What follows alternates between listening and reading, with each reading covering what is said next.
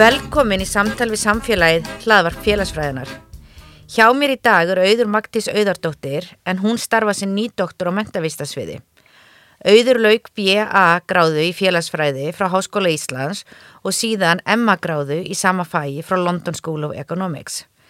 Fyrir doktorsverkefni færði hún sig svo yfir á mentavístasviðið en þaðan lauk hún doktorsprófi í mentavísindum síðastliðin júni. En ég var reynda sérstaklega glöð þegar hún saði mér núna áðan að það hefði verið svona skrifað í smáarletrið að þetta væri sérstaklega í félagsfræði mentunar. Þannig að við að sjálfsögðu teljum hana til, til okkar alla góða félagsfræðinga eða þá sem stunda félagsfræðilega rannsóknir. Uh, Rannsóknir hennar er eins og ég segja á sviði mentunar og ójefnuðar og ber doktorsnitgerðin heitið val þraung svona í sviga þannig að mm. þú kannski útskýrir þetta fyrir okkur uh mhm. -huh. endur sköpun stjættartengra og kynjaðra valdatengsla með foreldravenjum og í þessari rítgerð þá skoðar hún hvernig valdatengslur er endur sköpuð með foreldravenjum á Íslandi með áherslu og stjætt og kyn Velkomin auðvitað Magntís og til hamingju með doktorskráðuna. Takk fyrir, kærlega. Takk fyrir að bjóða mér í spjallið. Já, við viljum nú alltaf endilega fá alla sem eru nýjútskrifaði með doktorspróf í félagsfræði og svona skildum, greinum eða með áherslur. Akkurat, sko. Og kannski langar mig aðeins bara að byrja á því að heyra um bakgrundin og svona leiðina í gegnum skólakerfi sem að núna náttúrulega hefur verið það sem voru sérstaklega að skoða mm -hmm. og þá svona kannski frá mentaskóla og síðan yfir í að velja félagsfræðina hér og mhm. -huh. fara út til London og koma svo aftur hér Já. og inn á mentavistasvið Sko, ef við byrjum bara alveg á grunnskólanum að því það kannski er svolítið áhugavert að ég var sagt, mjög stóran hluta af mínum grunnskóla í engaskólum Já. sem er svo hluta af því sem ég er að skoða í mínu verkefni og mér leið bara mjög vel þar og þeir voru bara frábærir og akkurat ekkert út af það að setja en svona hérna var svo svolítið svona áhugaverð reynsla í ljósið þess ég að, hvað ég er að skoða svo. Nú og svo fór ég í MH og fór að tungumálabraut þar, nýmálabraut sem ég var mjög ána með eftir á því ég lærði svo miklu ennsku Já. sem var svo mjög góður undirbúningur rauninni fyrir, fyrir hérna háskólanámi þar sem maður náttúrulega bara lesa á ennsku nægin allar daga. Þannig að ég var mjög glöð með hérna, það val. Þegar ég byrjaði í háskólanum þá ég vissi ég vildi einhver félagsvísindi en ég vissi ekki alveg hvað og ég vissi líka bara ósláð lítið um félagsvísindi einhvern mm. veginn. Mm. Mér fannst þetta bara áhugavert, mér gekk alltaf ógeðslega vel í starffræði, mér fannst þetta bara ekki nógu skemmtileg mm. og veginn hérna... En hvað var það svona við félagsvísindin sem kannski vissir ekki alveg hvað voru en eitthvað sem dróði að ég, þeim? Ég held að það hafi kannski verið ymmit það að þetta var eitthvað svona óljóst og spennandi. Ég var bara einhvern veginn þú veist, þegar einhver sagði mér sko, já, þú getur bara að fara að læra eitthvað um jafnbretti og ég var bara, what? Mm. Þú veist, þetta er bara, að maður getur bara eitthvað valið það í háskóla, ég bara hafði ekki hugmynd og ég, hérna, vissi það ekki fyrir en ég fór bara bókstala á svona háskóla kynningu, svona dag, háskóla já, dag, sem er bara svona básar já. og þá er bara, hérna, þorgjur einas að kynna kynjafræðina mm. og ég bara aldrei eftir með þetta fag og bara, ha? en þá var það bara aukagrein sem sagt, Já. en ég byrja á því að skrá mig bara í kynjafræði sem aukagrein Já. af því ég vissi ekki alveg ennþá sko hva, hvaða aðalgrein ég vildi Já. og sálfræði var eitthvað svona eina sem ég vissi að jú ok, þú veist, þá verður maður sálfræðingur það er eitthvað svona, ég skildi að það væri eitthvað sko, af því á þessum tíma þá vissi ég ekki að það væri hægt að starfa við rannsóknir þú veist, ég bara hafði ekki hugmynd sko. og hérna Um, vissi eiginlega bara um eitthvað svona sem væri praktist fyrir atvinnulífið. Veist, það var bara einhvern veginn engin í minni fjölskyldaði kringum mig sem var í, var í akademínu, ég vissi ekki hvað akademíu var. Ég fyrst bara háskóla kennarar væri bara svona eins og mentaskóla kennarar bara einu stíu ofur væri bara að kenna og að gera ekki neitt annað. Þannig að þegar ég svo byrja að læra kynifræði þá þetta kemst ég að því að það sem þú tægt að gera eitthvað annað heldur en að læra bara eitthvað praktíst fyrir atvinnulífið. Eða þú veist, eitthvað sem endar í einhvern starfsréttundum og þá einhvern veginn svona leytist út í félagsfræðin að skoða þessa struktúra samfélagsins og hérna og svona þessi stóru kerfi og hvernig þau virka á okkur sem, þú veist, sem hópa og hvernig tilheyrum alltaf einhverjum mengjum og eitthvað svona. Og mér fannst þetta bara ógslag spennandi. Já, og kynjafræðin svolítið leiti mig inn í þetta sko. já, sem að náttúrulega er svona mjög auðvitað er hægt að læra kynjafræði með fullta greinum en það er náttúrulega mjög svona kannski náttúrulegt samband á milli, Já. ef við getum talað um náttúrulegt eitthvað, á milli félagsfræðinar og kynjafræðinar Já, það er það sko og klárlega allavega hún er víða sko um heim í hugvísindum en hér er hún alltaf innan félagsvísinda deildarinnar Já, og, sviðs, og, og þar að leiðandi fannst mér alltaf tengingin mjög skýr og það var bara mjög skýrt í náminu sko einhvern veginn. Já. Og Leitist ég yfir í félagsvæðina og sá ekki eftir því sko. já, og svo ákveður að fara til London Já, það var Hvernig líka eitthvað svona kom það til? Já, það var líka bara eitthvað svona ég vissi ekki alveg hvað ég var að gera sko og ég var bara búin að einsetja með það að ég ætla einhvern tíman að búa í Stórborg ég ætla einhvern tíman að búa á Norðurlandunum og ég ætla einhvern tíman að búa í einhverju landi sem eru ekki mjög nálagt okkur Já. eitthvað svona mjög eitthvað svona framandi innan gæsaleppa þetta var svona mitt bucket list Já, Þannig að ég ákvað bara að nýta þess að meistaragráði að klára það að búa í Stórborg. Þetta var bara eitthvað rugg, sko. Og ég var einhvern veginn ekki með neitt í kringum mig til að ráðleggja mér, þú veist, hvar er sniðut að læra eða, þú veist, eitthvað þannig. Þannig að ég var bara eitthvað, hm, hvaða skólar eru góðir í London, best að fletta því upp. já, Bara já, London School of Economics skorur úksla hátt í einhverjum félagsvísindum best að sækja það. Þetta var bara eitthvað svona. Veist, Já. Ég var bara þessu, sko.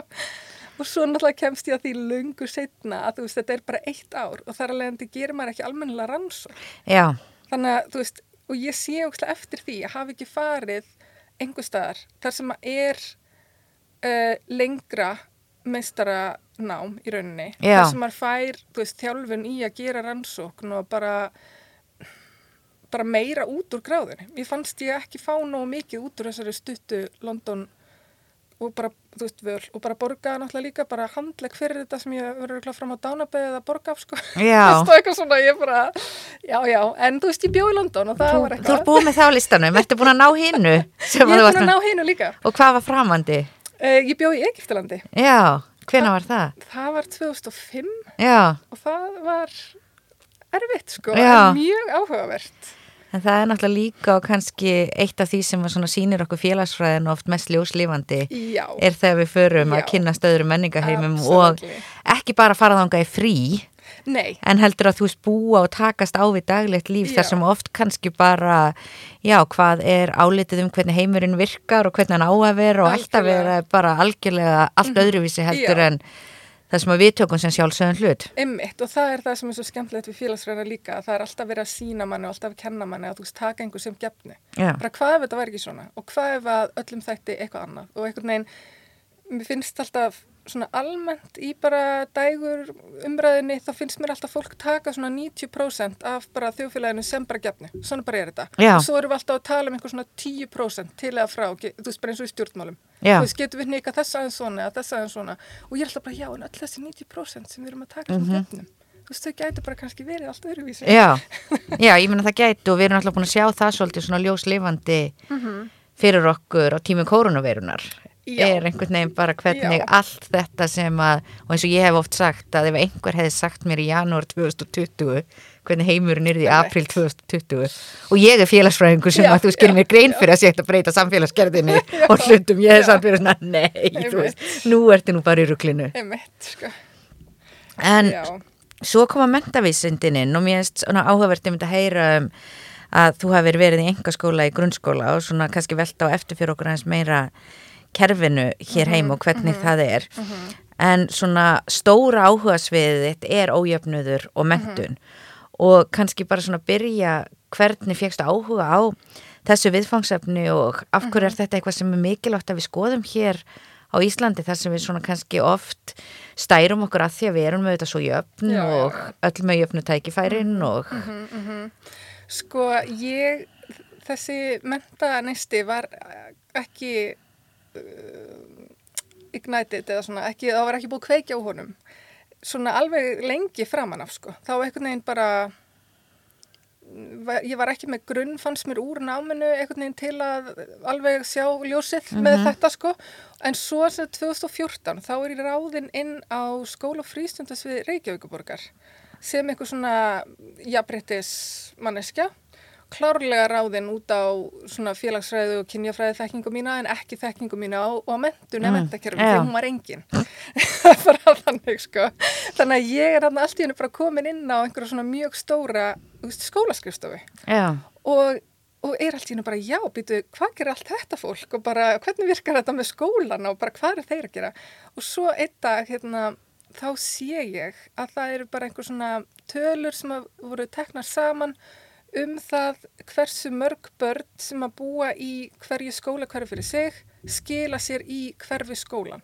já, Þannig að ef að hérna, fjöldi barna í hverfskólanum er jafn hár fjölda barna sem að búa í hverfinu þá stóð 100%. já, Uh, og svo ef að hérna, það voru fleiri börn í skólanum heldur en búi í hverfinu, þú veist, þá var, stóð kannski 110% og svo lægra ef það vantaði börn í hverfiskóla. já, Og ég var, og það, þetta var bara svona tabla já, og bara sem að einhver sem að er, ég veit ekki hvað, að hugsa um skólabyggingar eða eitthvað, þú veist, var með og ég var bara, hvað er þetta? já, Bara þetta er sjúklega áhugavert. Og hérna alveg, og svona félagsræðin gera mig kleift að, að sko sjá það, þarna eru einhverjur mjög miklu svona struktúrar, pælingar, alls konar venjur og eitthvað á bak við þetta. Þú veist, þetta er ekki bara einhver tilviljun eða einhver gata liggur eitthvað, eða þú veist, það getur verið þannig en almennt er það ekki þannig. já, Almennt er eit- eitthvað áhugavert á bak við bæði tölutna sem eru hærri og tölutna sem eru lægri. já, Og svo bara geimdi ég þetta einhvern veginn með mér og svo hérna í ársbyrjun 2017 þá langaði mig í doktorsnám og búin að vera út á vinnumarkaðanum í einhvern tíma og bara það var alveg fínt en þú veist, mér langaði, mér fannst alltaf ókslega gaman að lesa rannsóknir og pæli í aðferðafræði, er aðferðafræði veist. Hátt skemmtilegra. og eitthvað. Og þá hérna uh, fór ég og hitti Berglindi Rós Magnúsdóttur að máli af því að hún vissi ég uh, gæti potið sagt mér eitthvað um uh, hérna, bara sett þessa töflu sem ég var að segja frá áðan í eitthvað samhengi og ég sagði þú veist, er þetta ekki eitthvað sem að væri hægt að skoða og hún held það nú. Þetta hefði nú verið skoðað bara gríðalega mikið erlendis, skólaval, hverfaval þú veist, jöfnur og ójöfnur í hérna grunnskólakerfinu og þess að þar og bara var alveg ótrúlega til í að við myndum gera eitthvað saman. Og Já. bara, það var svo gaman við fórum bara á algjört svona um, hugarflug sem stóð bara sko mánuðum saman. Það sem vorum bara, og hvað, og hvað meira? Og ég var bara, segð mér meira. Og hérna, þannig að það var ótrúlega gaman. Og það var svona byrjunin á mínum doktors, eh, doktorsnámi Já. og svo gekk okkur bara vel að fá styrki fyrir einhverjum svona hugmyndum líka og þannig að þetta byrgast allt saman og var uh, mjög gaman sko. Já, og rítgerinn hjá þér, hún samanstendur af þremur greinum og mér langar að fara dýbra kannski í hverja þeirra því að við höfum svona tíma til þess í hlaðvörpum, en það er svona alltaf gott finnst mér að fá kannski svona aðeins smá heildarmynd og svona stóru niðurstöðun úr rítgerðinni, kannski þú veist svona í tiltölu að stuttu máli, þú veist, hvað er það mikilvægt sem að við lærum Sko, af rítgerðinni? Hvað veistu núna sem þú vissir ekki þegar þú sást þessa töflu? Sko þeirra stórt er spurt. Ég myndi halda að svona það sem að tengir saman að því að rítgerinn samanstendur af þremur sjálfstafum greinum en það sem að tengir þar allar saman er að ég er á einni annan hátt í þeim öllum að skoða fóreldravenjur. Hvernig fóreldra hlutverkið er nú til dags og hvernig álag á fóreldra hefur aukist alveg gríðarlega undanfarna áratí og bara kröfur sem að samfélagi gerir til fóreldra og þetta vitum við líka bara erlendis frá, þetta er ekki eitthvað svona ótrúlega nýtt og skrít á Íslandi.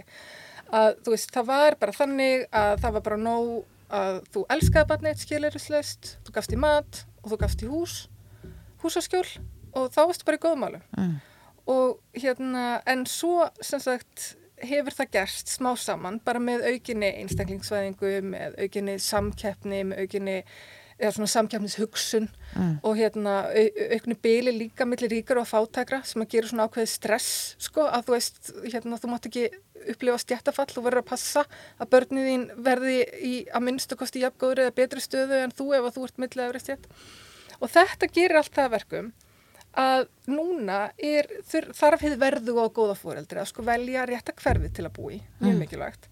Uh, velja rétta leikskólan, jafnvel réttu dagmömmuna, þú veist, við erum Mm. alveg bara, þetta byrjar bara eili móðurkviði, sko, eins og Sunna Símonadóttir hefur náttúrulega verið að rannsaka. Já, hérna, þetta álag og svona kröfur. Rétta grunnskólan, rétta framhaldsskólan þar er hérna mjög svona stór póstur í þessu vali og þessum fóreldra venjum, það sem, sem fólk upplifir að það sé mikið undir þú veist að lesa réttu bækurnar fyrir barnið og þú veist örfa það einhvern veginn allan daginn og passa að só ekki tíma sínum í tölvuleiki og borða hotlan mat og heimageran mat og helst lífrannan mat og eitthvað svona sko. Og einn ángi af þessu er þá líka að fóreldrarnir verða og eiga að vera ef þeir eru góðir fóreldrar og góðir borgarar að þá eiga þeir að vera svona neytendur á einhvers konar mentamarkaði og þeir eiga að, þú veist, markvist að vega og meta, þú veist, hvað hvað ke- kemur sér best fyrir mitt barn sem einstakling, hvað gerir mitt barn sem einstakling samkjarnist hæfast, eh, hæfastan? Mm. og, hérna, og, og sem best undirbúin fyrir atvinnulífið og eitthvað svona e, og það, við erum, erum þá í raunin að færast aðeins frá því sem hefur alltaf verið á Norðurlöndunum að það sé bara sjálfgefið að barnið fyrir hverfiskólan og hverfiskólinn er góður. Og hann er vel fjármagnaður e, það er vel hugsað um öll börnin í honum.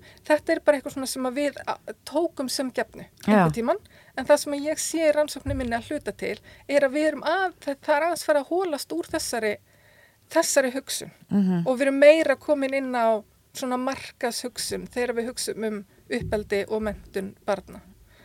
Um, já, og mér finnst þetta mitt rosalega áhugavert og þetta kannski og ég náttúrulega fór í mitt doktorsnámi í bandaríkjunum og bjóð þar í Mhm. 17 ára og þegar þú byrjar að tala um þetta þá fer ég strax að hugsa um uh, bandaríska félagsfræðan Annette Luró Já, og þú veist hvernig hún í rauninni er með bók þar sem hún er að bera saman þá efri stjætta fóreldra og síðan sem sagt fóreldra sem eru að lagri stjættum og hvernig þarna hugmyndafræðin varðandi hvernig þú ert að alveg börn sé mjög mismunandi Já. og svona semst í lagri stjættum síðan ákveða þetta fyrra sem þú ert að kannski að tala um og ég held að það hafi verið kallað sem svona kannski bara svona hinn eðlilegi bara þroski barns bara börn Já. fæðast og þú bara sérðum þess að basic hluti og svo bara sem gerist það en hinn hjá efri stjættanum síðan svona sem ég held að hún kalla eitthvað svona bara hvernig þú sért í rauninni að já svona bara búa til ákveðna einstaklinga Já. og þú ert að kenna þeim alls konar já, færni og hluti af því náttúrulega er að sem sagt að þau fari í réttu skólana og réttu staðina hluti að kenna þeim ákveðna færni í samskiptum til dæmis við stopnanir samfélagsins eins og til dæmis mann eitt dæmi þess með vera að kenna þeim að tala sjálf við læknin og spurja út í það. Þannig að svona kannski fyrsta hugsunin sem ég svolítið hef við þessu er þú veist, erum við virkilega komin líka á þennan stað á Íslandi ef við séum farin að sjá þessa markaðsvæðinga því oft náttúrulega hugsa við við erum svo jöfn og Já, við erum já. svo eins og bandaríkinn Já. eru svo rosalega ójöfn og þar sjáum við þetta Mhm. og svo kannski hitt sem að kannski byrjun því að þú talar um foreldra venjur sem að auðvitað er gott og auðvitað eru foreldrar Mhm. en svona þegar þú talar um sumt af þessu sem er að gera þá svona veldur maður fyrir sér er þetta að einhverju leiti meira fara á mæðurnar Mhm. Sko, já, ef við byrjum bara á hérna byrjuninni sem þú veist að tala um þessar ólíku sko fóreldra venjur eftir stjættum sem að er einmitt bara vel skrásett viða um heim sko að þá finnst mér alltaf svo gott að benda á að það er ekkit sem segir okkur að leið millistjættarinnar, að leið efri stjætta til að alveg börn sé eitthvað betri heldur en hinn leiðin. En við bara höldum alltaf að það sé bara klárlega betra ef að barni byrjar þú veist tveggjára í tónlistanámi og við veljum bara réttu skólanum og erum, og erum einhvern veginn ótrúlega mikið að lesa einhverjar íslenskar þjóðsugur og ævindir eða eitthvað, ég veit ekki, þú veist, eitthvað sem að telst verðu, bókumentir og og alltaf undirbúa barnið fyrir einhverja framtíð mm. uh, meðan að sko hérna fólk að verkefliðstjætt er meira, miklu meira í núinu bara líður barninu mínu vel akkurat núna er allt cirka í Já. lagi bara frábært, þú veist, þá, þá erum við bara hamkisum og það er ekkert sem bendir til að þetta sé verri leið Nei. og auðvitað oft sem við erum að sjá hér á Ísland og annar staðar þó að sé ekki hluta þinni rannsóknin Já. þá bara mjög mörgum börnum og ungmennum líður veru lítla Já, einmitt sko. Og líka eitt sem að hérna, kom fram í svona viðtölum sem ég er að vísa ekki búin að vinna alveg úr sem ég tók við hérna f- fólk af fóreldra af ólingum stjættum er að sko efri stjættafóreldrum vorum svo mikla pressa og börnin verða að vera í tómstundum. Og bara skiptir eiginlega ekki máli hvort að barnin langar það eða ekki. Þú veist, auðvitað betra ef Já. barnin hefur áhuga á því en ef það hefur ekki áhuga á því þá er það bara samt. Já, sett í það. Meðan að læri stjættafóreldunum voru alltaf bara eitthvað, já þú veist, ef hann hefur áhuga á einhverju þá náttúrulega bara finnum út af því og bara klárlega myndi ég stíðan til að læra fylgu ef hann síndi því áhuga. bara veit ekki til þess að hann hafa áhuga á því þú veist, og þá var einhvern veginn bara og þá fær barnið bara vera meira frjálst Já. einhvern veginn sko og ég, ég, já, það er ekkert sem bendir til að það sé vera sko, ég vil bara kannski betra Já. þú veist Nei, og það Hérna- var einmitt eitt af svona fyrsta sem ég hugsaði í bandaríkjunu sem náttúrulega líka út af því að fólk upplifir það er náttúrulega óöruggar að það vil ekki að börnin sé að lappa inn í skóla og Já. svona en þú veist það Já. lít mig fyrst til ég flytta ánga hugsa rúslega mikið til minnar barnæsku sem var að svo í alveg sér náttúrulega skólu og annað en líka bara mjög mikið frjáls tími já, og, og, bara þegar maður sá sér börn í bandaríkjunum sem bara nánast voru sketjúöluð kannski frá Já. sjö á modnana til sjö á kvöldin og sko þau léku sér ekki nema að vera skipilagt playdate sem að foreldrarnir mættu með á Nei, einmitt sko. Og svo með kynjunina þá já, þetta er mjög kynjað eftir fóreldrum og all þessi pressa, hún lendir að miklu meira leiti á maðurunum. Og ég er ekki að segja að feðutin séu stikk frýr, þeir eru það oftast ekki alveg, en það eru samt bara alla rannsóknir, bara bæði hérlendis og erlendis sem bara sína að þetta ég lendir meira maðurunum og líka bara út af því hvernig samfélagsgerðin okkar er þá er það að standa undir öllum þessum kröfum er meira samofið bara svona sjálfsvirðingu og sjálfsmati mæðra á sjálfum sér Mm. heldur en hjá körlum. Já, Þeir kannski fá bara sína sjálfsmynd og sitt sjálfsvirði frá einhverju öðru heldur en hversu ógeðslega vel þeir eru að skipilega dagbarnana sína.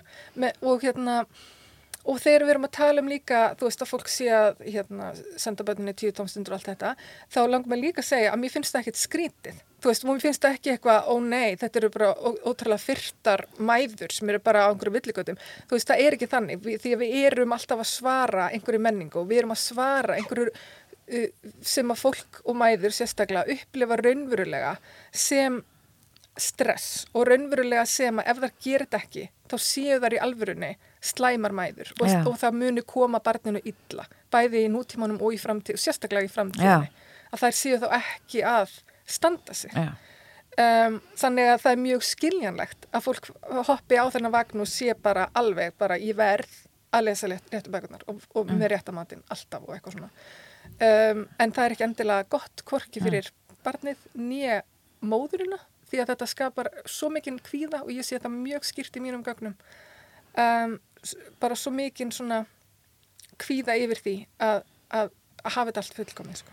og þetta er náttúrulega kannski líka það sem félagsfræðin sýnir okkur svo vel að við erum náttúrulega oft kannski hugsa um að þetta eru bara einhverjar einstakar mæður að taka einstaklingsbundnar Einmitt. ákvarðanir Já, og já. einhvern veginn að drífa þetta bara áfram þetta verða að vera svona svona svona án þess kannski að saldur ef við hugsa um býta af hverju Já. eru við með þessar hugmyndir og hvað er það varandi samfélagsgerðina, menninguna kröfurnar sem að í rauninni hefur áhrif á hvað það er sem við teljum mikilvægt Já. og hefur þá áhrif hvað við erum að stressa okkur út Algjörlega. af og hvernig okkur finnst að við þurfum að vera sem uppalendur. Og svo annað sem kemur líka inn í þetta sem að hérna til dæmis Diane Ray sem að er hérna í, í, í Breitlandi hefur verið að rannsaka benda á er að hluti á þessi stressi og mögulega stór hluti er líka tilkomin út af því að bylið á milli stjætta hefur verið að aukast. Þannig að ef þú ert í milli eða efri stjætt og þú bara sér það í þjóðfélaginu að fólk sem að er uh, öryrkjar, er ekki vinnumarkaði, fólk sem að er ekki langskóla gengið og svo framvegis, þau hafa það bara alls ekki gott. Uh, og, og bara lifa við fátækt og bara hérna og svo framvegis. Og þegar við sem að erum hérna ekki þeirri stöðu sjáum það að sko fallið úr okkar stöðu og niður er að verða hærra heldur en það var. Ef við værum öll aðeins jafnari þá væri minna stress yfir því hvar batnið þitt endar í stjætt Já, þú veist, þá gætur þú kannski meira slakað á og sagt bara, það henda bara barninu mínu ekki vera í bóknámi. Já. Við ættum kannski bara aðeins að hérna, eh, slaka á því að vera hérna, þrjá tíma á dag að, að grilla barnið í einhverju, dar, þú veist, þetta, að því að þetta verður allt í.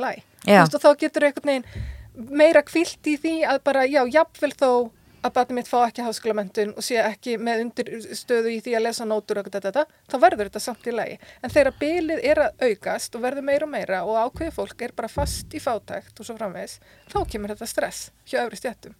Að, hérna, að halda sin, bæði halda sinni stöðu persónlega og að erfa að þessi staða erfist til barnana.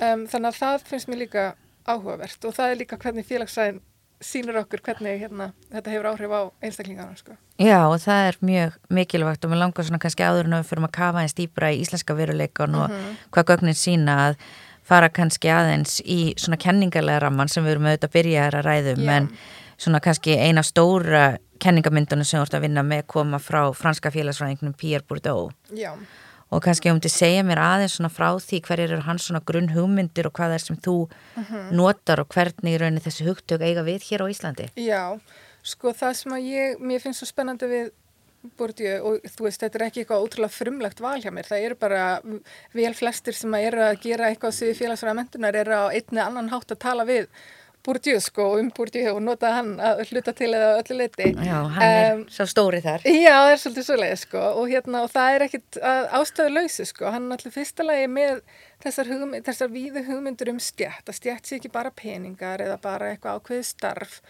þó að það sé mjög mikilvægt í kapitalískum þjóðfélögum að hafa pening og allt það, en að stjætt sé líka, þú veist, menning og hérna, hvað við kunnum og hvað við kunnum ekki og neistla, hvað við kaupum og hvernig við kaupum það og þú veist, erum við með ógæslega cool taupoka frá einhverju fyrirtæki, erum við með plastpoka og alls konar eitthvað svona pínu lítil atriði sem að svo bara hlaðast upp í að, að, hérna, að búa til eitthvað stjættamun og búa til eitthvað gildismat sem að þykir þá betra heldur en eitthvað annað gildismat. Og sko til dæmis það að tala um foreldravenjur sem eitthvað stjættengt eða tengt stjætt. Veist, það er ekki beint hægt að gera það ef þú ert svo með kenningar sem að tala engungu um stjætt út frá starfseiti eða fjármunum. Það er bara ekki kenning sem er hjálplegt til að skoða uh, það sem að gerist inn á heimilum og í svona daglegu lífi fólks út frá stjætt. Þannig að Búrdi er mjög hjálplega með það að hann hérna sagt, be- bendir á það að allar okkar daglegu venjur séu stjættengdar og að efri stjættir séu alltaf stanslaust í svona um, átökum eða svona uh, alltaf að reyna að halda sínum sess með því að velja rétt og gera rétt og vera réttu fötunum og búa í rétta hverfinu og keira rétta bílinn eða rétta rafbílinn ef að það er það sem er kúl núna og eitthvað svona og alltaf að aðgreina sig frá lægri stjættum ekki með því að segja ég er ekki að verkefliði stjætt heldur með, þú veist, það er ekki svona augljóst, heldur Já. með einhverjum þessum pínu litlu atriðum, sko þannig að því ég gerir svona hluti, ég les þessar bækur, ég fer og sé Já. þetta leikrit, Já. ég á og drekk þessi vín, Já, ég á svona rafbíl, ætla að vera ekki. Tesla í dag á Já. Íslandi, að þá ertu að aðgreina þig á einhvern hátt frekar Já. heldur en bara að segja ég á bara daldi meirinn á bankareikningnum mínum heldur en þú. Já, algjörlega sko og svo er hann alltaf líka með svona hugmyndur um þessa class fractions þess að svona um, hérna að innbyrðis er efsta lagið ekki endilega uh, eins heldur það líka munur innan e- efstu stjættana og þá er talað um veist, í svona mjög einföldu máli bara, veist, vinstri elítun og hægri elítuna Já. og það er öðruvísi og, og þær vilja líka aðgreina sig þá frá, bæði frá lægri stjættum en líka frá hver annari. Já, Þannig að þú veist, ef að þú bara einhvern veginn býrði gamla vesturbænum eins og ég geri og hérna uh, átt bara hálfan bíl eins og ég geri, þú veist, eitthvað svona betra kannski engan bíl Klárlega, og betra engan bíl, já, absolutt sko, sem ég var enda líka, veist, já, veist, þá, þessar venjur hjá mér eru klárlega eitthvað sem ég er að gera meðal annars til að sína að, veist, ég tilheyri, vinstri, hérna, akademisku, einhverju svona veist, hlutanum af efri stjættum. Og það var kannski svona áhugavert að fara að tengja þetta inn í Já. kannski þína niðurstöður og hvernig þetta er hér á Íslandi. Og eins og þú segir þá er þetta alltaf um þetta val að fóreldrar er að Já. velja eitthvað og er kannski erfileiku með að velja eitthvað. Og er að velja eitthvað þá bæði kannski til að senda ákveðin merki en líka því þeir trúaði raunverulega að það muni skipta verulegu máli fyrir það hvernig síðan barninu þeirra gengur í lífinu sem náttúrulega er í dáldir kannski andstöðu við þessa grunn hugsun í íslensku samfélagi og núna kannski í kringum kostningar með landtækifæran og fleiri hluti um að við séum uh, öll jöfn að það er eitthvað sem gera verkum að þau eru að telja einhvern veginn kannski svona bara eðlileg skólaganga í þínum leikskóla, þínum hverfiskóla og svona sé í sumun tilfellum ekki nóg. Þannig að fyrsta sem sagt greinin sem að þú ert með fjallar um ástæðu þess að foreldrar velja að senda börnin sín í engaskóla frekar en ofenbæra skóla og að því að ég kannski held að svona margir átti sig ekki alveg á hvernig þetta er hér á Íslandi að því að það, við erum náttúrulega svo mikið með hverfiskólana að kannski svona segja bara okkur aðeins frá landsleginu hér á Íslandi. Veist, hvað er það sem við eigum við þegar við tölum um engaskóla, hvaða skóla erum við að tala um og Mhm. hvað er hlutfallið af börnum sem er í slíkum skólum? Sko, engaskólar á Íslandi eru ekkert mjög margir. Við erum ekkert, við erum ekki mjög langt gengin í þessa átt sem að þú varst að lýsa í, sem er í Já. hérna bandaríkjunum sem er í Breitlandi líka, sem er líka í Svíþjóð, kemur fólki óvart, en Svíþjóð er mjög langt gengið í svona markasvæðingu mentunar. Við erum ekki komin á þann stað á Íslandi. Það er alveg, hverfi skólanar á Íslandi eru ennþá mjög sterkir og það er yfirleitt ennþá fyrsta val flestra að senda barni í hverju skólan.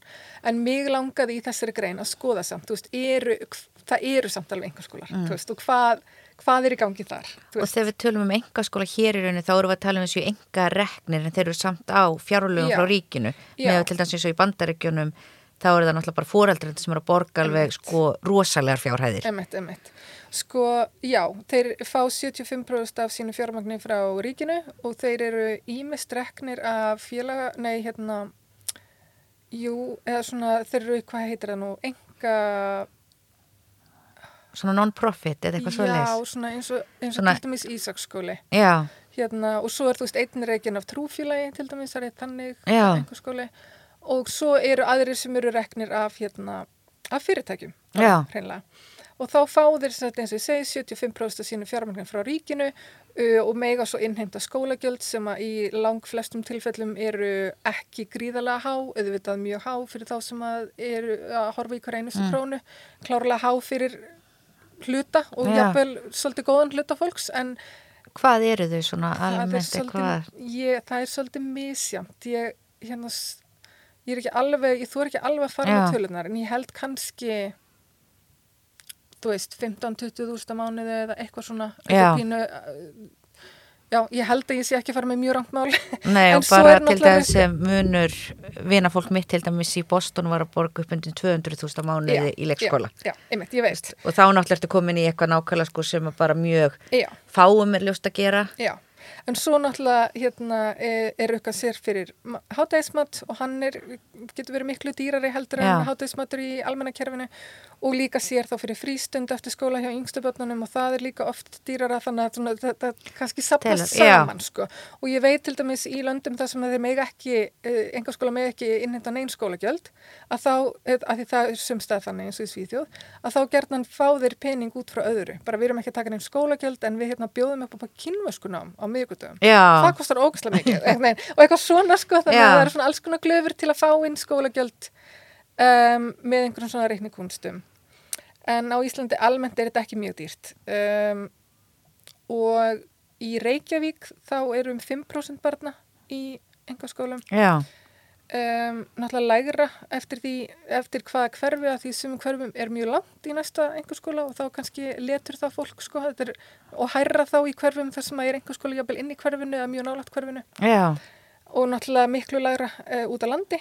Þar eru samá engir engaskólar já, það er ekki að fljúa börnunum í bæinn nei, nei, það er ekki þannig sko.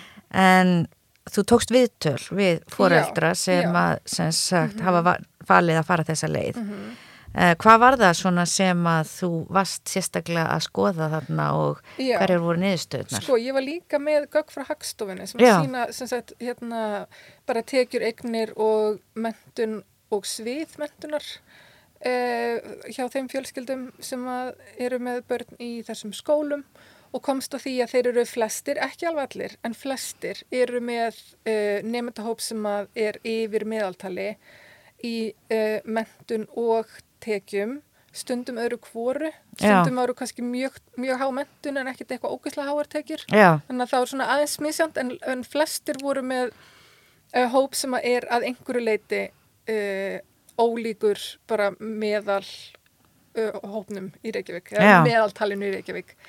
Uh, en svo skoðaði ég líka að, sko ég hefði getað hætt þar, en svo fór ég að hugsa, já, en þú veist, þeir eru samt allir í hverfum, af því ég var búin að kortleggja líka hverfin. Þeir eru allir í hverfum þar sem að eru, þú veist, hámentun og, og hérna háa tekjur. Og þá, þú veist, kemur það í ljós að þeir eru staðsettir uh, á svæðum sem að eru svona uh, já, sem eru með svona bakgrunn fólks þannig að þeir eru í rauninni ekkert mjög ólíkir uh, sínum nálagasta hverfiskóla já, þú veist, aðeins, aðeins Aðeins, sko, aðeins herra en ekkert, rosalega.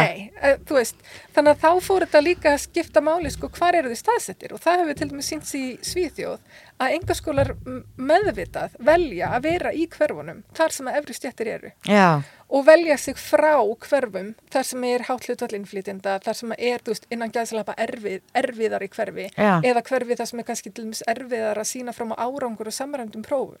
Því að veist, það er ekkert að fara að selja. Þú veist, þú ert kannski með frábæran skóla að gera aðeinslega hluti en svo bara tala krakkanar ekki sænsku. Já. Þú veist, þá eru þau aldrei að fara að fá hátt á einhverjum samræmdum prófum. Þú veist, og það er ekki gott viðskiptamódel, sko. Þannig að þeir velja sig frá þeim hverfum og inn í ríkara hverfin og ég sá svona merkjum það líka á Íslandi bara með hvað, hvar þeir eru staðsettir Já. og bara sumum borgarhlutum eru engir engarskólar. þannig að kannski svona ástæðan fyrir við stundum að sjá eins og kannski góða útkomu á einhverjum prófum eða svona stöðlun hlutum er að þú ert í rauninu búin að velja nefndahópin svolítið inn sem þá nefndu sem kannski hafa allar forsendur til að Algjörlega. standa sig uh, vel og kannski með mikinn stuðning Já. Við að ná árangri í skólakerfinu. Já, og þetta er það sem er svo erfitt þegar fyrirtæki reyka skóla og við þurfum að vera með svona markasugsun það sem að vera að keppum nefnendur og keppum að fá bestu nefnendur til sín þá, veist, þá verða aðri nefnendur undir og þeir verða óvinnsölu nefnendunir af því það er bara, þú veist einhver skólistjóri sem ég las við við í Svíþjóð var bara, já, við erum bara ógæðslega góð í að díla við krakka sem eru með skólaforðun og kvíða. Það er bara okkar, við erum bara búin að sér af okkur því og erum bara geðvægt góð í því. Þetta er aldrei að fara að selja, ég get ekki búið til neina auglýsingar um Nei, þetta, veist þannig að þetta, þú veist, þannig að markasugsun bara á svo illa Já. við í þessu system að við erum að búa bara til svona þessa bestu einstaklinga sem auðvitað kannski eru bestir að því að þeir fengu mest í fæðingalottóinu Já, já, og svo tók ég sér viðtöl líka, þá við fóreldrar sem hafa valið einhverskóla og þá ekki út af því að þeir hafa upplifað einhver erfileika í hverjuskólan, einelti eitthvað, þannig ég tók, þú veist, Já, vinsaði það úr, af því það er bara, finnst mér önnur rannsókn. með Já, þetta. algjörlega. Heldur fóreldrar sem einhvern veginn bara innan gæðsleppa upp úr þurru. barnið hafa allar forsendu til bara blómstra í hverfiskólanum en já, velja. Já, og mjög gerðnan voru þau ekki búin að prófa. Heldur þetta bara kannski fyrst, strax í fyrsta bekk. Ekki alltaf en oft verða þannig til dæmis. Og þá kom í ljós þessi orðræði sem var bara hefur verið mjög hérna, sterk í Breitlandi til dæmis bara ofinbæra kerfið er bara hérna metnaðarlaust, það er metnaðarlausi kennarar og það er agalaust, það er engin æja á börnunum og, og svona mjög sterk orðræða sem að svona talar niður ofinbæru skólana. Og ég vil bara kannski taka fram líka núna að þú veist, markmið mitt var ekki að skoða eru ofinbæru skólar góðir eða eru enga skólar góðir, það var bara ekki rannsóknarspurning þú veist, þeir getur bara verið alls konar og frábærir og eitthvað sko. Heldur var ég að skoða hvaða hugmyndir fólk hefur um engaskóla og hvaða hugmyndir fólk hefur um ofinbæra kerfið. Og þá kom uh, já, bara mjög sterk þessi orðræða þú veist, hérna börnin bara tínast í þessum stóru skólum og fá ekki góða þjónustu og, og svona orðræða sem að verður og hefur sínt sig erlendis að verður svona eins og sjálfsuppfyllandi spá, svona self-fulfilling prophecy, að þú veist um leið og kemst eitthvað svona einhverja svona hugmyndir hjá efri stjættum á kreik um það að ofinbæra kerfi sé bara í heilsinni ömulegt, því að það var enginn að segja eitthvað það er eitt kennar í einum skóla, er ekki góður heldur voru þau alltaf að tala um bara ofinbæra kerfið sem Já, bara, Bara- það er ekkert gott að gerast Nei, þetta er bara allt ömulegt og brotið og glatað. Og um leiðu þá komast svona uh, orðræður á kreik, sérstaklega ef það eru hjá efri stjættum sem hafa svolítið skilgreiningavaldið í samfélaginu okkar, að þá, þú veist, fer það um leið að hóla kerfið það innan. Já, Því þá kemur flótti, þá kemur stress í fóreldra og bara, ó, býtu, er þetta kannski bara ömulegt? veist, og, og, hérna, og þetta bara gerir ekki góða hluti fyrir neitt sko og gerir klárlega ekki góða hluti fyrir hugmyndina um að við þurfum, veist stert mentakerfi fyrir alla, það sem allir hafa aðgengi að gæða velfjármagnari frábæri mentun í sínu hverfi. Þú veist, þetta gerir ekki góða fyrir, fyrir góða hluti fyrir þá svona grundvallar hugmynd sem hefur almennt verið við líði á Norðurlandunum sko. Þannig að mér fannst það svolítið svona áhyggja efni hvað þessi orðræðu kom stert inn og það hjá fóreldrum sem að höfðu gerðnan litla eða enga reynslu af ofinbæra og voru einhvern veginn bara já, þetta er auðvitað glata. já, bara svona einhvern veginn búin að Já, koma já, sko. að þeirri skoðun en síðan náttúrulega sem að verður síðan áhugavert og svona leiðir inn í næstu Mhm. svona grein og hugmyndi sem þú ert að gera er að þó að þetta sé náttúrulega og nákvæmlega eins og segir að þetta er náttúrulega ofta aðeins með skilgreiningavaldið sem að ef að þetta fer að verða eitthvað sem að verður útbreytara þá fyrir við kannski Já. að sjá í rauninu tvö kerfi þar sem að góðu nefendunum með alla fórsendur fara í góða engakerfið og hinnir setja eftir. Já, en við sjáum þetta kannski með skýrari hætti enn þann dag í dag hér á Íslandi þar sem flestir eru í hverfaskólunum að fólk sér hreinlega að velja hverfi. Og þú Akkurat. skoða þá sérstaklega hvernig mæður er að velja hverfi og bara kannski svona við myndum aðeins fara yfir er, og ég held að það er bara MS skoða þetta á höfuborgarsvæðinu er mikill munur á hverfunum og hvað er það sem er að gerast varðandi þetta bæði þá kannski hvernig ákveðnir, ákveðnir stjettir út frá þá já bæði menningarlegum og efnahagslegum auður að uh, fara í þessi fara í mismunandi kerfi og svo yfir í hvernig fólk eða foreldrar mæður eru að velja hverfin. sko uh, við skrifum grein Berglind Rós Magnúsdóttir og Kolbjörn Stefánsson og ég sem að, þar sem við tökum sett hagstofugögn 20 ára aftur í tíman Ég hef myndilegt að lesa hana í námskjönu hjá mér um gott. Hérna, uh, þar sem við erum að skoða hvernig samsetningin á uh, hverfunum á öllu höfuborgarsvæðinu hefur breyst uh, frá 2006 til 2016. Það er, hérna, nei, 97 Já. til 2016. Það er tímabilið sem við erum að skoða og þá kemur í ljós að vissulega árið 1997 þá var alveg munur á hverfunum. Þá voru alveg sum hverfi sem að uh, voru með meira af peningum í gangi og meira af mentun í gangi og svo framvegs. Um, en, og meira fólki með þess að fjölskyldu tengsl við Ísland líka. En munurinn er samt ekki mjög mikill. Og kannski sérstaklega eins og fjölskyldu tengsl við Ísland, það voru bara, þá voru bara öll hverfin bara mjög svipuð. Það voru basically ná- nánast allir hérna, Íslandingar Já. af íslenskum uppruna. Um, Og þó það var einhverja tilneyingar kannski í einhverjum skólinn, það voru samt alls konar krakkar Já. í bara í öllum skólum. Já, og svo gerist það á þessu 20 ára tímabili að það verður svona ákveðin samþjöpun í sumum hverfum. Mörg hverfi eru ennþá bara mjög blönduð sem að eru að mínum að jákvæðar fréttir af því að það gerir það verkum að hverfi skólatin þar geta þá eru þá með fjölbreytta nefndahóp og geta þá sint því hlutverki að kenna fólki að þú veist, tala saman og lifa og starfa í líðræðis þjóðfélagi með alls konar fólki og alls konar hópum.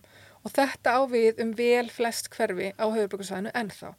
En það eru ákveðin hverfi á báðum endunum, bæði þess að hverfi það sem eru svona samþjöppun á um, bara fátækt og uh, lágu mentunastíi og svo önnur hverfi þar sem er mjög mikil samþjöppun á verallegum gæðum og, og að, og þessi samþjöppun hefur aukist alveg mjög mikið á þessum 20 árum.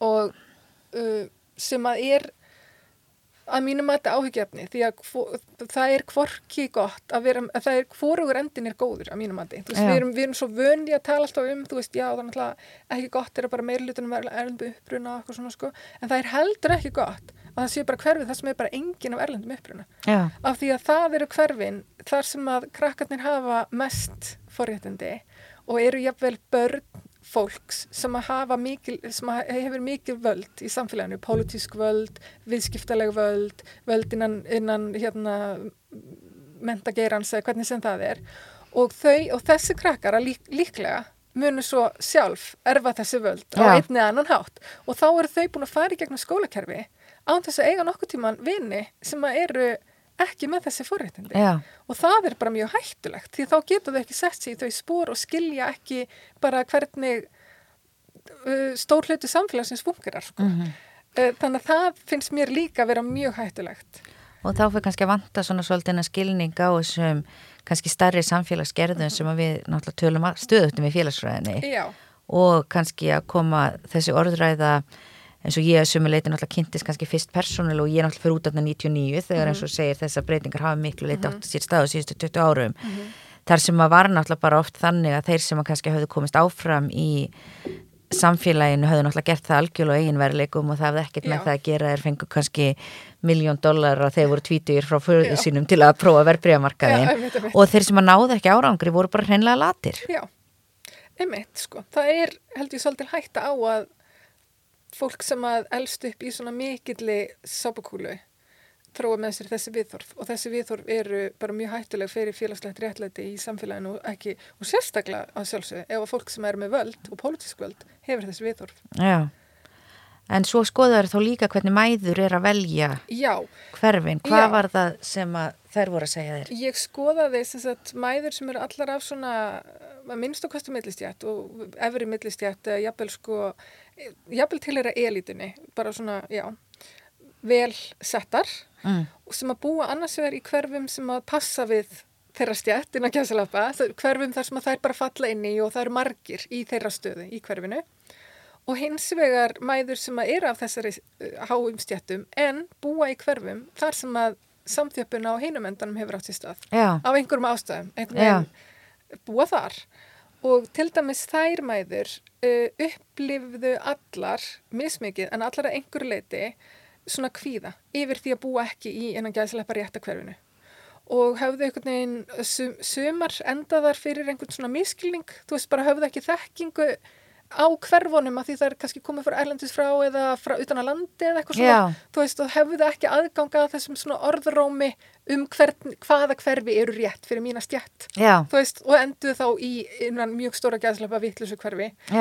Um, og þær upplifðu allar þá svona stress yfir því að vera alveg barn í þessu hverfi þar sem að barnið er ekki um, þá að kynna skrökkum af sömu stjætt þannig að orðaði ekki þannig. Veist, það er, og þetta er bara sama stress og við erum að tala um áðan. Þær vita að ef að barnið fellur niður um stjætt og fær ekki eitthvað, að þá, veist, þá getur það bara endað í fátækt eða hvernig sem, eða, það er stressið. Það er stressið. Og þær upplifa það mjög, miklu meira ef þær búa í vittlusu hverfi Já. heldur en þær sem að búa í réttu hverfi. Já. og þær sem að búa í hverfi þar sem að er ekki mikið um efristjættar fólk að þær höfðu allar á einn eða annan hátt sko gert eitthvað með virkum hætti til að vinna á móti þessu. Til dæmis valið sér frá hverfiskólanum. Já, það var eitt dæmi, um, bara kert barnið langan vegi í einhver skóla eða verið í foreldrafélaginu í hverfiskólanum, alveg svona mjög virkar þar Já. bara til að sjá bara, ok, ég er í lagi með hennar skóla? Ég þarf, bara, ég þarf bara að vera þarna inni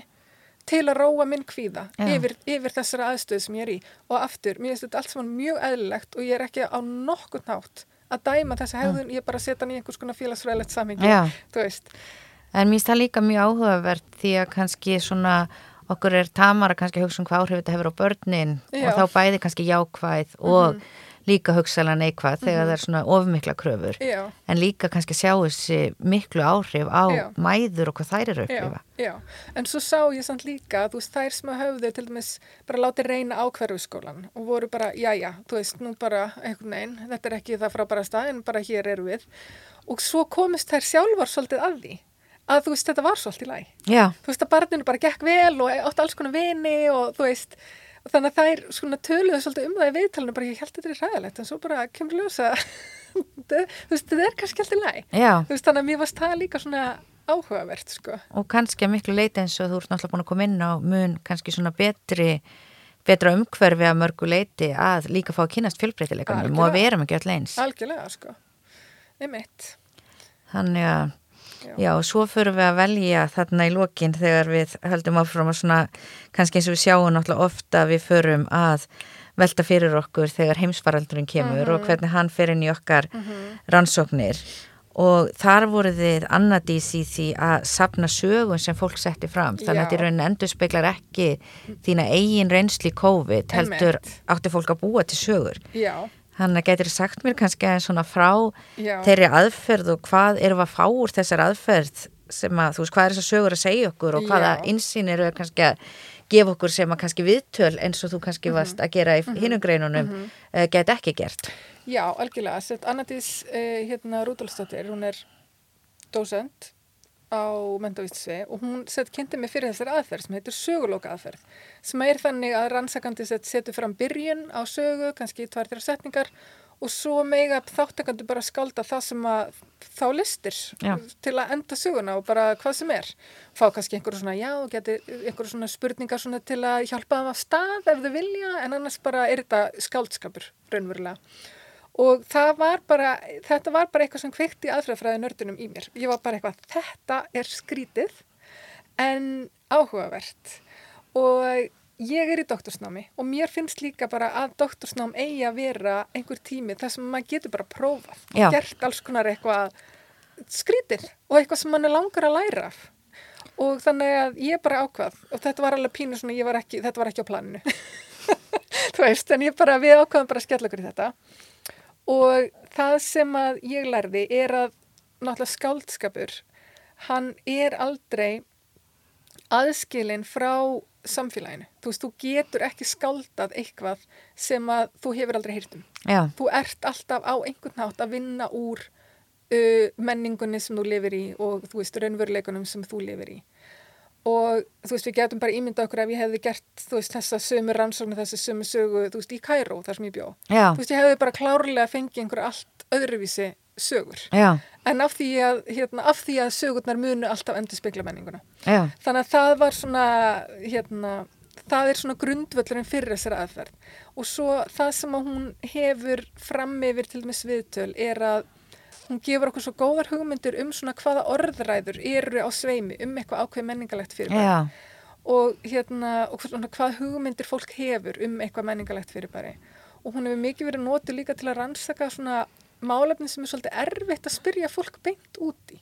eins og bara, þú veist, uh, hvað finnst þér um, hérna, fólk með ádröskun eða eitthvað svona, Já. þú veist, eitthvað svona sem að er bara óþægilegt að vera að spurja um einhver svona bara viðþorf þín sem personu, af því þetta Já. er bara erfið mál og líka erfitt að spyrja um persónulega reynslu, af því þetta eru bara svona þung viðfóksefni sem að gerðnan þessi aðferði notið á, því Já. þá getur þú fengið fram viðþorf en frelsar þáttakandan undan því að þurfa að greina frá sinni eigin reynslu eða sínum eigin viðþorfum sem gerir það líka verkum að þáttakandin er minna bundin að því að þurfa að vera að hugsa um svona pólitískan réttrúnað eða politika, Já. hvað er politikali korrekt að ég segi þessu Já. viðtali. Þú veist, það, það, þú sagan leifið þér Já, að, sagan leifið er bara að skálda alls konar og bara vera svolítið meira frelsi með það, sko. já, Þannig að mér fannst það gaman, sko. Og hvað var það sem kom fram þarna, hvaða hugmyndir voru að koma um Já, hlutverk maður og ferðra á tímum koronu faraldur sinns? Já, við sem sagt hérna, settum fram uh, helmingurinn fekk móður og hinn helmingurinn fekk föður þar sem að hérna um, var, var eiginlega engin skóli. Og þau áttu börn og þá var eiginlega engin skóli út á COVID. Þannig að þá erum við raunin að fráfram aðstæður þar sem að þessi, þessar, þessi pressa sem vorum að tala um áðan og þú þarft að vera rétt á að hæfa fóreldur og darla sem við ímyndum okkur kannski hún segja en það meira því það er ekki einu svona skólakerfi og þú þarft bara að redda þessu heima og hérna, og þá kom og svo langa okkur sér að skoða hvernig, að því sumarsögurnar voru sögur þar sem að bara allt gengur vel og Já. foreldri er bara ógeðslega on top, þú veist. Og svo eru aðrar sögur og alveg hellingur af sögum þar sem að þetta, foreldri er að reyna en það mistakst og eitthvað fyrir úrskeiðis og þú, þú veist, þetta endar í einhver svona hrakfalla sögum, sko. Þannig að við svona svolítið flokkum þetta og vorum bara, ok, sögurnar það sem allt gengur vel, þú veist, hvað er fóreldrið í þeim að gera?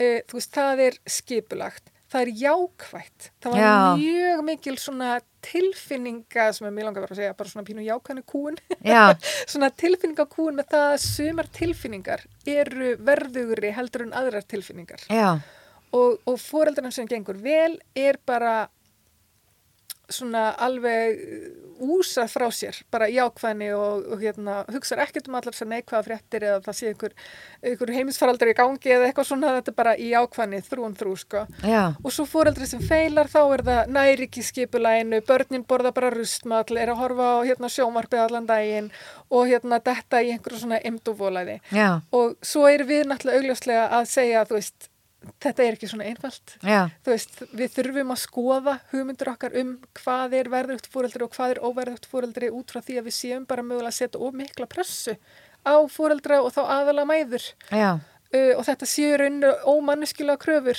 uh, að við hugsum svona um hæfa fóreldri og um leiðu þú klikkar á einhverju einu þá bara fer allt í vaskinn og börnin bara enda í ræsinu eða eitthvað svona, þú veist. og þá er þannig rauninni talar þessi þessi gögn og þessi hérna, síðasta grein talar alveg inn í líka þemun úr hinn og greinu Já. þó þar síðu svona ólíkar að fjallum ólíkar hluti þá er þetta alltaf þessi rauði þráður að þú veist kröfunar á mæður aðala eru orðnar ofsalega miklar. Þannig að það kom fram að þú segir helmingurinn cirka fekk mæður og helmingurinn feður. Já, Þannig að sögurnar eftir hvort þau fengu Sko, voru mismunandi hjá já, fólki. sko, svo er svona aðfrjóðfræðilegt uh, mál með það allt saman, er að það voru nánast engungu konur sem að skrifaði Já. sögur. Þannig að í rauninni hérna, skrifaði ég niðurstöðnar út frá því, þú veist, hverjir eru hugmyndir Hvenna. um það af hvað er að vera fóreldri.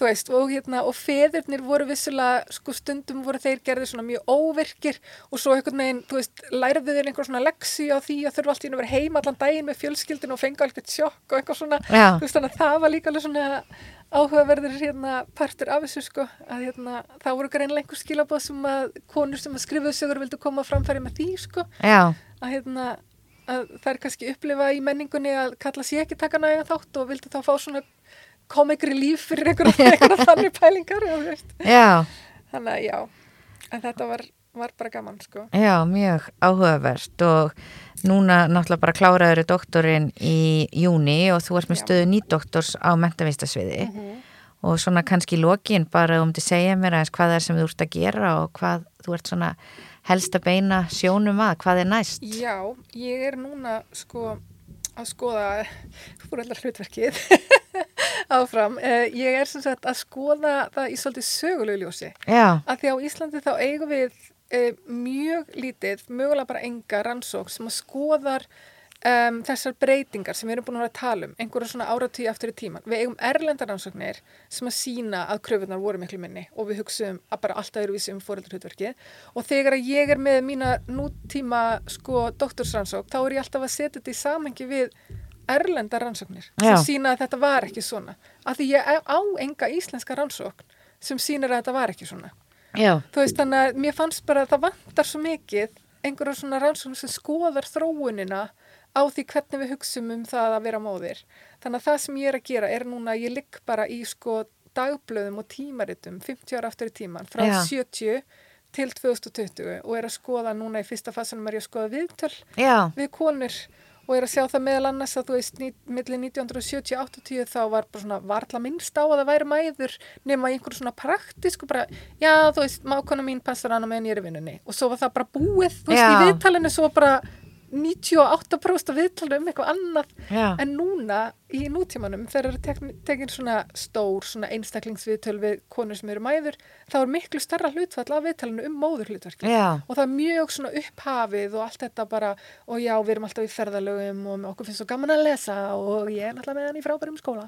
Og það Já. er að sem að var alls ekki í viðtölunum Já. aldrei viðtölunum. Þannig að þetta hefur svona líka þá kannski breyst með kannski ef við hugsaum um já, svona kannski upp úr 70 þar sem náttúrulega kannski konu voru minna á vinnumarkaði. Þó Já. að þetta hafi náttúrulega alltaf verið miklu meira á vinnumarkaði Já, heldur við kannski svona já, uh, tölum um. Mhm. en að sumuleita þegar konur eru að ná eiga að vera að ná árangri allstaðar þá þurfa að líka kannski að fara að sína meira að einhverju leiti að þær séu líka góðar mæður Já, það, það getur verið eitthvað þannig í gangi sko. en ég sett í bara gagna öflunar hérna fasa núna. Já. og bara laka til að dífa mig betur og nýja það sko. Herrið, það bara er rosalega áhugavert eins og allar rannsóknir sem er búin að segja okkur frá þannig við þurfum örgulega bara að fá þau aftur í eins og þegar, þegar súrannsókn er tilbúin. en bara takk kærlega fyrir að vera með okkur hér í dag. Takk sem leiðis kærlega. Og takk fyrir að hlusta á okkur hér í dag